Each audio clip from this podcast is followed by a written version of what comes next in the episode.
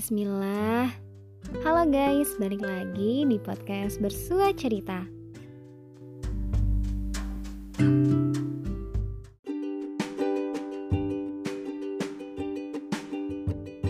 Halo teman-teman. Hari ini episodenya beda banget nih dari sebelumnya. Karena hari ini aku mau bacain tulisan dari temanku.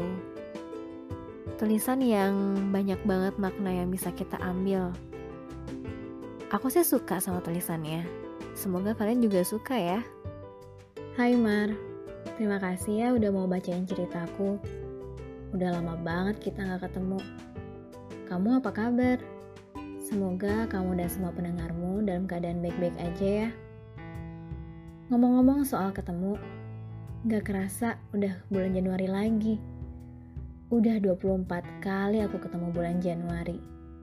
Iya, 24 kali ketemu bulan yang sama, tapi dengan perasaan yang berbeda. Ada Januari yang aku tunggu-tunggu kedatangannya. Aku hitungin hari demi hari menujunya. Get a fresh start, kataku. Udah terlalu penat tahun ini. Terlalu banyak yang harus diperbaiki. Terlalu banyak yang harus dilupakan terlalu banyak yang harus dihapus dan dimulai lagi dari awal. Ada Januari yang aku harap bisa di skip langsung ke adiknya, Februari. Kalau ini sih, saking gak pengennya aku masuk ke salah satu stase killer pas kelas dulu. Tapi mau gimana pun, semua harus dilewatin kan. Dan alhamdulillah, aku ngelewatinnya dengan gemilang. Yeay, gak seserem itu ternyata. Emang ya, kita itu lebih sering takut sama prasangka daripada fakta. Ada juga Januari yang kayak lampu kuning, gak kerasa, gak keraba, hanya sekelembat lewat, tiba-tiba hilang gitu aja.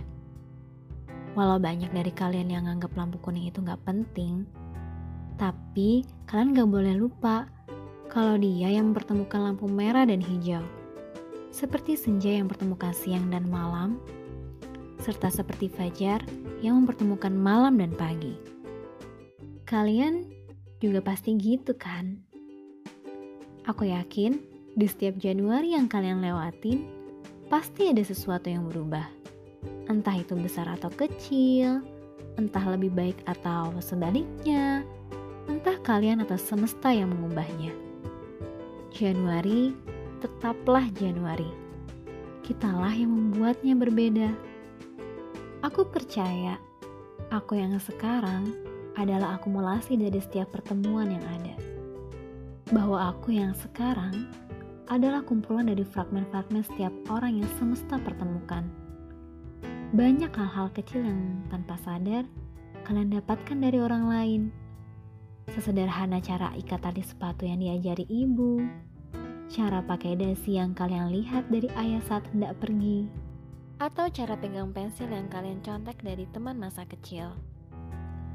Pertemuan yang sekedar lewat aja bisa berdampak besar buat kita.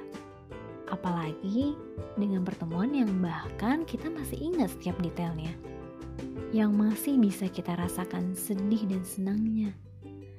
Dan itu menjadi pertemuan penting yang dapat mengubah hidup kita. Kalau aku, Pertemuan itu aku dapetin pas SMA. Pertemuan dengan seorang teman sebut saja namanya Mawar. Aku saat itu bener-bener egois. Gue-gue lolo lah istilahnya. Maklum namanya juga anak puber. Masih mikir kalau aku yang paling bener, paling ngerti, paling pintar tapi bukan dalam konteks pelajaran ya. Kalau itu mah aku sadar diri aja. Oke lanjut. Aku yang egois harusnya merasa beruntung ketemu orang kayak Mawar. Dia gak pernah membenarkan aku. Setiap yang kulakuin selalu salah di mata dia. Setiap perkataanku selalu disangkal. Setiap iaku selalu diinggain. Setiap kananku selalu dipaksa kiri. Setiap hijauku selalu diganti merah bertahun-tahun begitu sampai aku mikir kalau Mawar tuh gak baik buat aku. Dia toxic, gak bisa suportif. Tapi lama-kelamaan aku sadar, kalau gak karena dia, mungkin sampai sekarang aku masih jadi kayak aku yang dulu. Egois, gak mau menerima pendapat orang lain.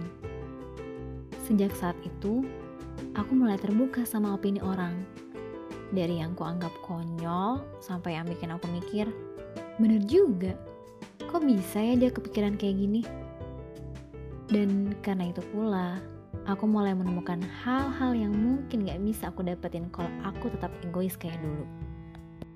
Mungkin kalau sekarang diceritain kelihatannya gak penting ya, cuma tentang seorang ABG yang akhirnya gak egois lagi.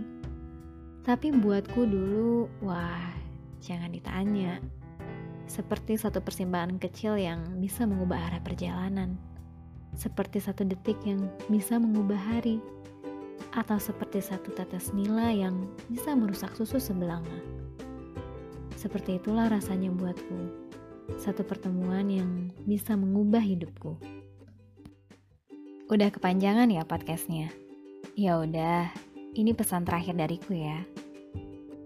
Kalau ketemu orang yang menurutmu gak baik buat kamu, tahan dulu. Jangan buru-buru pergi gitu aja. Tanya lagi ke diri sendiri. Yang gak baik itu sebenarnya orang itu atau kamu sendiri. Setiap pertemuan itu bermakna, guys. Jadi, harus dijaga baik-baik ya. Jangan sampai kalian nyesal kalau pertemuan itu pergi gitu aja.